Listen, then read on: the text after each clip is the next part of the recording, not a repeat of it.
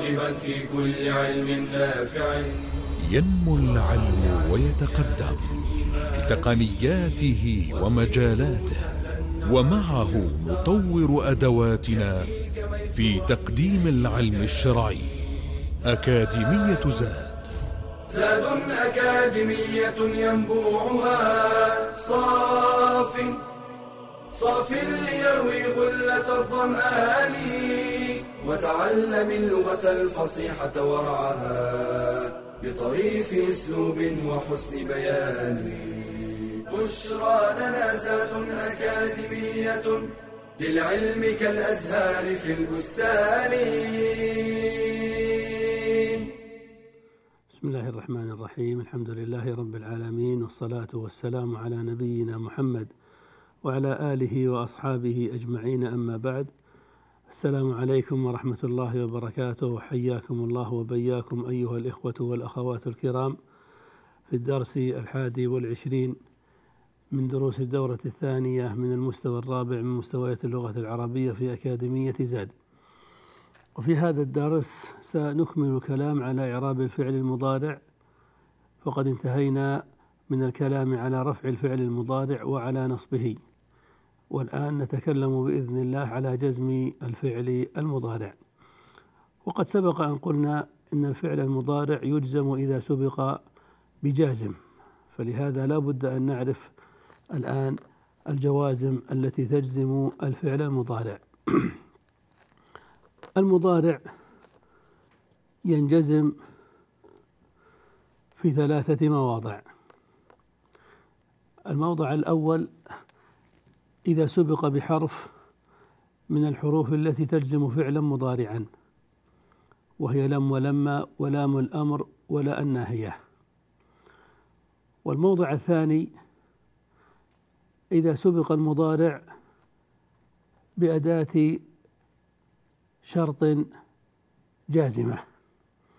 فإذا سبق المضارع بأداة من أدوات الشرط الجازمة فإنه ينجزم أيضا. والموضع الثالث لجزم المضارع إذا وقع المضارع في جواب الطلب.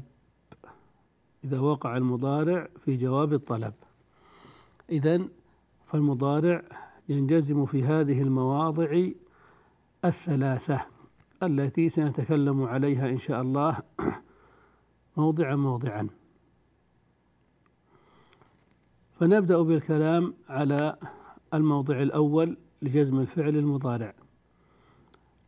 فالفعل المضارع ينجزم إذا سبق بحرف من الأحرف التي تجزم فعلا مضارعا واحدا وهي لم ولما ولام الأمر ولا الناهية. والحرف الأول هو لم.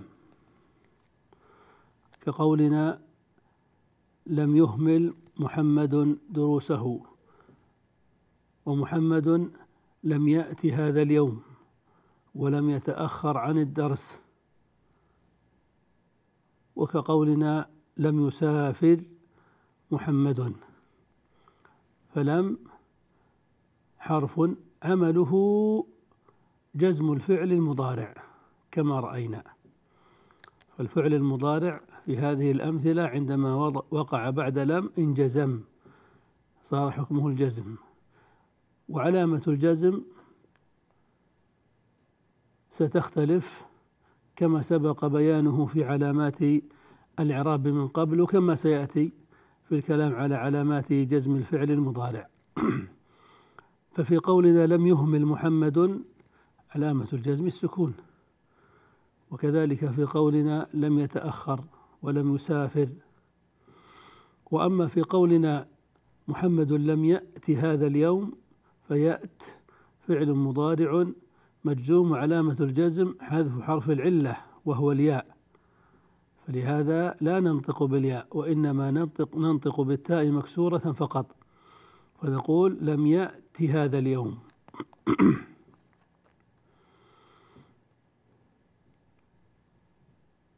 وإذا عرفنا عمل لم وهو جزم الفعل المضارع فينبغي أن نعرف معناها.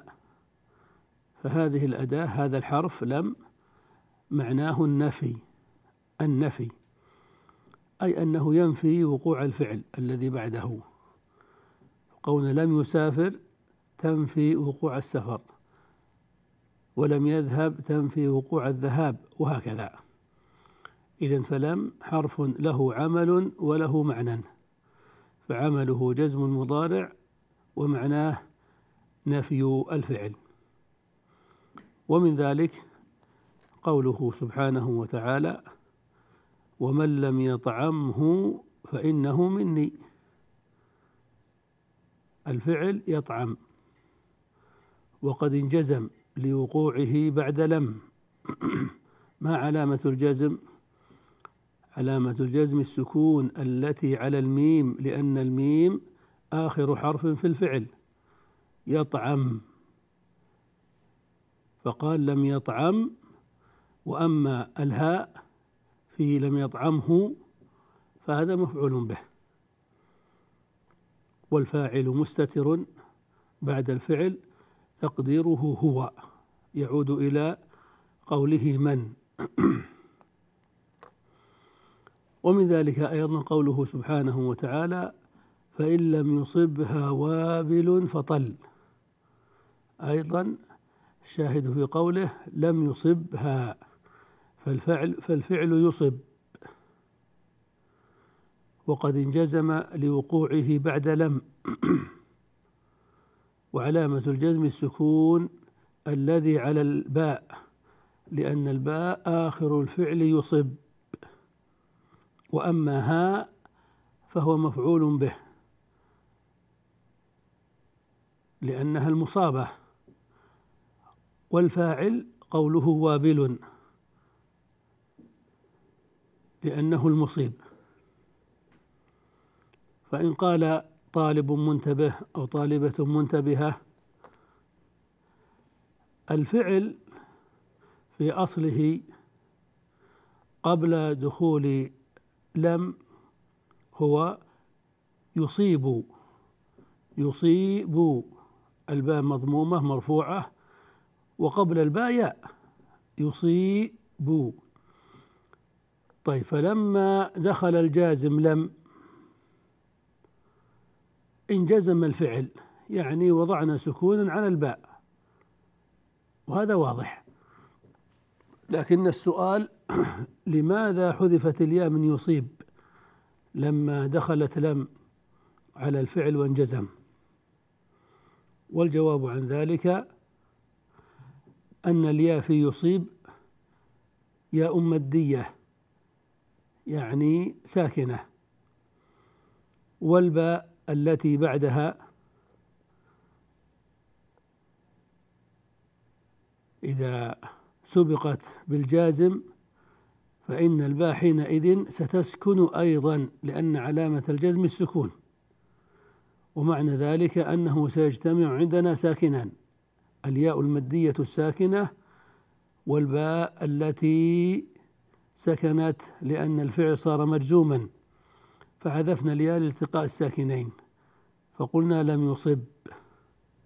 وأما إذا تحركت الباء لم يكن هناك سبب لسكونها كما في محمد يصيب فإن الياء ستبقى لماذا؟ لأن الباء التي بعدها متحركة فلم يجتمع عندنا فلم يجتمع عندنا ساكنان.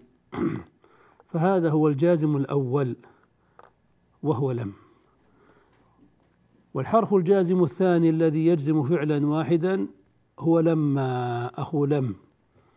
والكلام عليه سيأتي إن شاء الله بعد هذا الفاصل. فانتظرونا بشرى لنا زاد أكاديمية للعلم كالأزهار في البستان.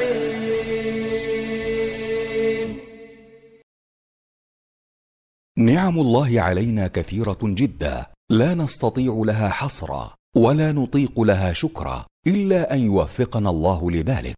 قال تعالى وإن تعدوا نعمة الله لا تحصوها إن الإنسان لظلوم كفار وإن من النعم ما هو معتاد متكرر ومنه ما هو متجدد فإذا تجددت للعبد نعمة أو اندفعت عنه نقمه فيستحب له ان يسجد لله شكرا فقد كان النبي صلى الله عليه وسلم إذا جاءه أمر سرور أو بشر به خر ساجدا شاكرا لله. وسجد أبو بكر لما أتاه فتح اليمامة. وسجد علي بن أبي طالب عندما انتصر على الخوارج. وسجد كعب بن مالك لما جاءته البشرى بتوبة الله عليه. وليس له حكم الصلاة فلا يشترط له طهارة ولا غيرها من شروط الصلاة. بل يسجد ويقوم بلا تكبير ولا تشهد ولا تسليم ويقول في سجود الشكر سبحان ربي الأعلى ثلاثا أو أكثر ويدعو بما شاء كما يفعل في سجود الصلاة فاحرص على شكر الله على نعمه وتعبد لله بذلك فإنما تحفظ النعمة بالشكر. قال تعالى وإذ تأذن ربكم لئن شكرتم لأزيدنكم ولئن كفرتم إن عذابي لشديد. بشرى لنا زاد أكاديمية للعلم كالأزهار في البستان. بسم الله الرحمن الرحيم. عدنا لنكمل الكلام على الجوازم التي تجزم فعلا مضارعا واحدا وهي أربعة لم وتكلمنا عليها قبل الفاصل. والجازم الثاني الذي يجزم فعلا مضارعا واحدا لما تقول محمد لما يذهب ولما يسافر ولما يأتي بعد. ونقول زيد جاء إلى المسجد ولما يدخل. وهكذا. فالفعل المضارع لما وقع بعد لما انجزم. كما سمعنا في الأمثلة الماضية. فنقول لما يذهب زيد. فانجزم يذهب لوقوعه بعد لما وعلامة الجزم السكون. فإذا قلت عرفنا العمل وهو الجزم مثل لما. لكن ما معنى لما؟ نريد معرفة المعنى. فنقول لما أيضا معناها النفي نفي وقوع الفعل. فكما تقول محمد لم يسافر فنفيت وقوع السفر تقول محمد لما يسافر فتنفي وقوع السفر أيضا. طيب. فإذا كان الحرفان لمعنى النفي فما الفرق بينهما؟ يعني ما الفرق بين نفي لم ونفي لما؟ فالجواب عن ذلك أن لم للنفي المطلق. يعني لا تدل على أكثر من نفي الفعل لا تدل على أكثر من أن السفر لم يقع فقط. وأما لما فإنها تدل على نفي قريب الوقوع. يعني تدل على شيئين. تدل على نفي وقوع السفر إن السفر ما وقع. وتدل على أن فعل زيد للسفر قريب. فإذا قلنا زيد لم يسافر لا نفهم إلا شيئا واحدا وهو عدم وقوع السفر. وأما إذا قلنا زيد لما يسافر فنفهم شيئين. الأول نفي وقوع الفعل. يعني أن زيدا لم يفعل السفر. ونفهم أيضا أن سفر زيد قريب. فكأنك قلت زيد لما يسافر إلى الآن ولكن سيسافر قريبا. وهذا أيضا من تدقيق اللغة العربية في المعاني ومن إخضاع الألفاظ للمعاني. فإن العربي قد يقصد إلى مثل هذه المعاني. فقد يكون المعنى الذي يريد أن يوصله العربي إلى المستمع هو مطلق النفي. يريد أن يخبرك أن هذا الشيء لم يحصل لم يقع. فيقول المطر لم ينزل. ومحمد لم يأتي. وقد يريد العربي أن يخبرك بمعنى أدق من ذلك وهو أن الفعل لم يقع ولكن حدوث وقوعه قريب. فيقول المطر لما ينزل. فإذا قال لك المطر لما ينزل تفهم أن المطر ما نزل لكن المتكلم يتوقع أن ينزل المطر قريبا. وإذا قال لك لما يسافر تعلم أنه ما سافر ولكن سفره قريب. ولو تأملنا في القرآن الكريم لوجدنا أن هذه المعاني تراعيها الآيات الكريمة. ومن ذلك مثلا قوله سبحانه وتعالى في تهديد الكفار بل لما يذوقوا عذاب ينفي ذوق الكفار للعذاب لم يذوقوا العذاب. لكن ما قال بل لم يذوقوا العذاب بل قال بل لما يذوقوا عذاب. لماذا استعمل لما؟ استعمال لما هنا تدل على نفي ذوقهم للعذاب ما ذاقوه لأنهم سيذوقونه في الآخرة.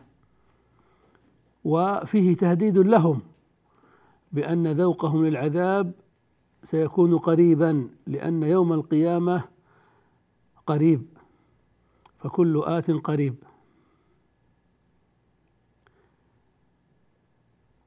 وعكس ذلك مثلا قوله سبحانه وتعالى في الأعراب الذين آمنوا والذين أسلموا ومنوا إسلامهم قل لا تمنوا علي إسلامكم. قالت الأعراب آمنا. قل لم تؤمنوا.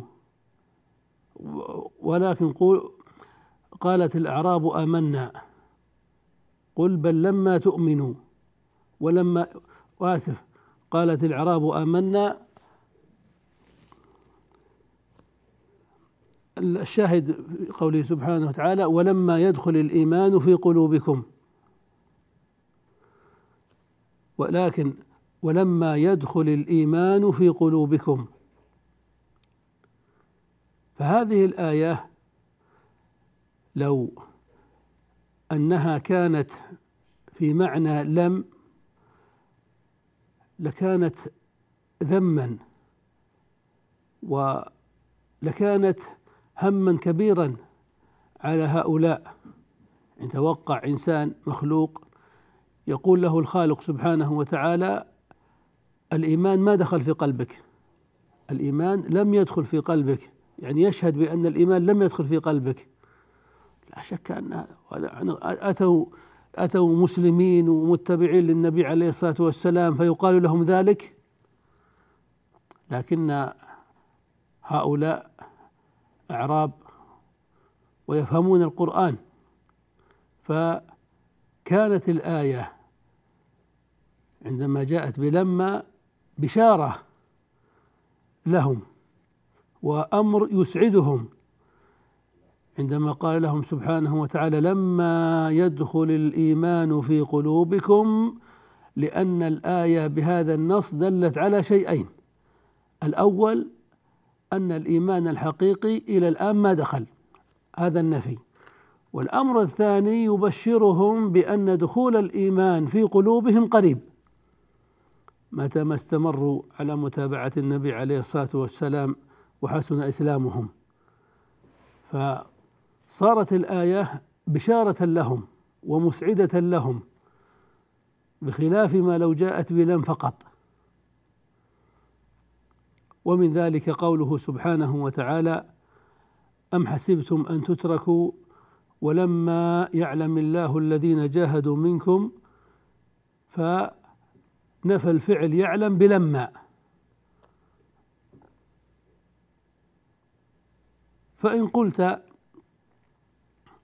عندي سؤال في هذه الآية في قوله ولما يعلم الله فيعلم هذا فعل مضارع مجزوم بلم وعلامة الجزم السكون لم يعلم. فكيف جاءت الميم مكسورة في الآية ولما يعلم الله والجواب عن ذلك أن الميم في الأصل ساكنة. لأن الفعل مجزوم وعلامة الجزم السكون. ولكن الميم لما سكنت بسبب الجزم وجاء بعدها اسم الله وهو مبدوء بأل وأل كما نعرف يتكون من همزة وصل تسقط في وصل الكلام وبعد همزة الوصل اللام الساكنة ال. فعندما نصل يعلم بالله ستسقط همزة الوصل. وتلتقي الميم الساكنة باللام الساكنة فيجتمع ساكنان. فحركت الميم بالكسر دفع لالتقاء الساكنين. فقيل لما يعلم الله. فإن قلت هذا واضح أو فهمناه الآن. لكن السؤال المترتب على ذلك كيف نعرب ولما يعلم الله؟ يعلم. هذا فعل مضارع مجزوم. طيب ما علامة جزمه؟ هذا الذي سنبينه بعد الفاصل بإذن الله. فانتظرونا. بشرى لنا زاد أكاديمية للعلم كالأزهار في البستان.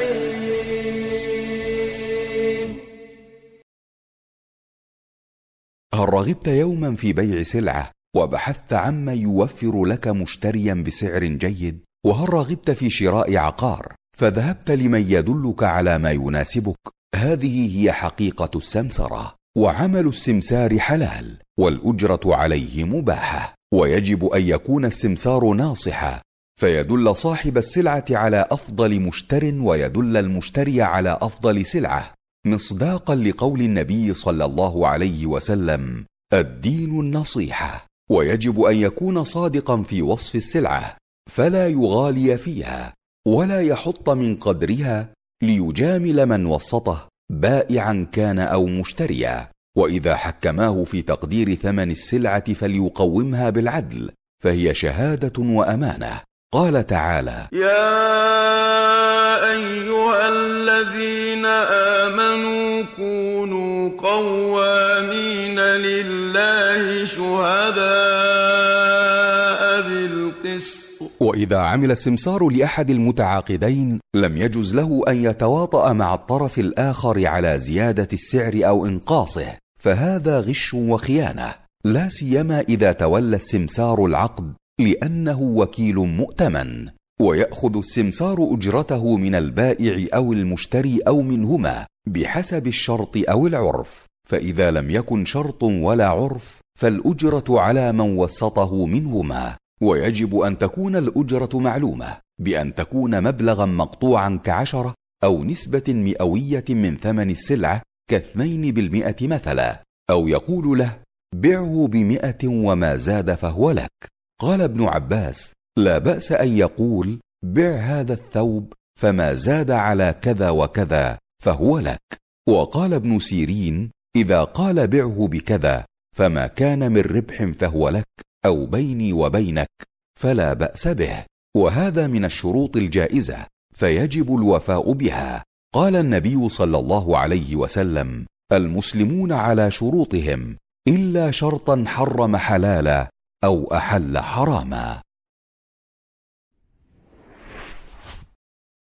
بشرى لنا زاد أكاديمية للعلم كالأزهار في البستان.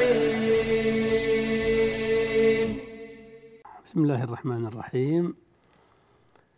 فنقول في إعراب لما يعلم يعلم فعل مضارع مجزوم بلم وعلامة جزمه السكون المقدر. منع من ظهوره الكسر المجلوب للتخلص من التقاء الساكنين.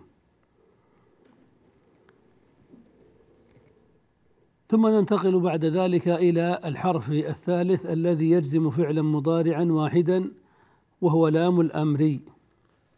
لام الأمر. كقولنا لتذهب لتسمع لتجتهد لينفق ذو سعة من سعته. فهذه الأفعال وقعت بعد لام الأمر ولام الأمر هي لام مكسورة تدل على الأمر. لتذهب الفعل تذهب. لو قلنا تذهب فقط تذهب ما في دلالة على الأمر.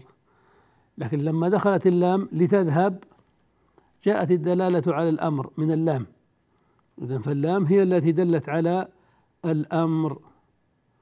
فنقول إن هذه اللام حرف أمر ونعربها إعراب الحروف. فنقول لام أمر مبني على الكسر لا محل له من إعراب والمضارع بعدها مجزوم. ومن ذلك أن نقول لتحكم بين الناس بالعدل. جزمنا المضارع تحكم بالسكون لوقوعه بعد لام الأمر. ومن ذلك قوله تعالى ثم ليقضوا تفثهم وليوفوا نذورهم وليطوفوا بالبيت العتيق. هنا ثلاثة أفعال كلها وقعت بعد لام الأمر. ليقضوا وهو مجزوم وعلامة جزمه حذف النون لأن الأصل في الفعل يقضون. وكذلك وليوفوا أصله يوفون. وكذلك وليطوفوا أصله يطوفون. فحذفت النون من هذه الأفعال لأنها منصوبة لوقوعها بعد لام الأمر وعلامة الجزم فيها حذف النون. حذف النون. فإن قلت لقد ذكرت قبل قليل أن لام الأمر لام مكسورة كما في قوله لينفق ذو سعة من سعته. وكقولنا لتذهب. ولكن لام الأمر التي في هذه الآية ثم ليقضوا وليوفوا وليطوفوا لام ساكنة. فالجواب أن لام الأمر هي لام مكسورة. ولكن إذا سبقت بحرف عطف الواو أو الفاء أو ثم جاز فيها الكسر على الأصل والتسكين تخفيفا. فيجوز أن يقال في اللغة ثم ليقضوا أو ثم ليقضوا. وليوفوا وليوفوا. وليطوفوا وليطوفوا وأما الجازم الرابع الذي يجزم فعلا مضارعا واحدا فهو لا الناهية. ولا الناهية مكونة من لام وألف. لا الناهية. بخلاف لام الأمر فهي لام واحدة. وقد سبق التمثيل على لام الأمر. أما لا الناهية فكقولنا لا تلعب. لا تتأخر. لا تهمل دروسك. وكقولنا لا تترك صلاة. فتترك هذا مضارع وقع بعد لا الناهية فانجزم. وعلامة جزمه السكون الذي على الكاف. ومن ذلك قوله تعالى ربنا لا تؤاخذنا. الفعل تؤاخذ مختوم بالذال إن جزم لوقوعه بعد لا الناهية. وعلامة جزمه السكون الذي على الذال آخر تؤاخذ. وأما نا في قوله لا تؤاخذ نا فهذه نا المتكلمين ضمير متصل وهو مفعول به والفاعل مستتر تقديره أنت لا تؤاخذنا أنت.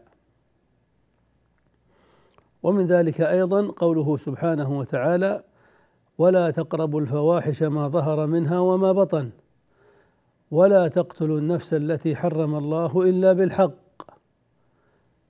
ففي قوله تقربوا وكذلك تقتلوا فعلان مضارعان جاء بعد لا الناهية. لا تقربوا. والأصل تقربون لكن حذفت النون لأن الفعل هنا منجزم. لوقوعه بعد لا الناهيه وعلامه جزمه حذف النون. وكذلك في قوله ولا تقتلوا الأصل تقتلون. ثم حذفت النون لأن الفعل انجزم لوقوعه بعد لا الناهيه وعلامة جزمه حذف النون. ومن ذلك أيضا قوله سبحانه وتعالى ولا تخافي ولا تحزني. أيضا تخافي وتحزني فعلان مضارعان وقعا بعد لا الناهية. والخطاب هنا لمخاطبة أنثى. والأصل في الفعل تخافي تخافين. ولكن الفعل لما انجزم لوقوعه بعد لا الناهية حذفت النون علامة للجزم فقيل لا تخافي. وكذلك لا تحزني الأصل تحزنين. ثم حذفت النون لأن الفعل انجزم بعد لا الناهية وكذلك يجب أن نقول. فنقول في نهي الواحد لا تلعب. وفي نهي الجماعة لا تلعبوا. ولا نقول لا تلعبون. وفي نهي الواحدة لا تلعبي. ولا نقول لا تلعبين. وهكذا. فلو أننا نطبق كل ما تعلمناه من مسائل وأحكام النحو شيئا فشيئا لوجدنا أن هذا يجري على ألسنتنا بسهولة ومن دون تكلف. ولكن إذا كنا نتعلم ثم نقول على خلاف ما نتعلم فإن هذا العلم سيكون من ناحية قليل البركة ومن ناحية أخرى سيكون صعبا ويتفلت لأن الذي لا يربط بالتطبيق والعمل فإنه سرعان ما يتفلت من الإنسان. فهذا ما يتعلق بالموضع الأول من مواضع جزم الفعل المضارع وهو إذا وقع الفعل المضارع بعدما يجزم مضارعا واحدا.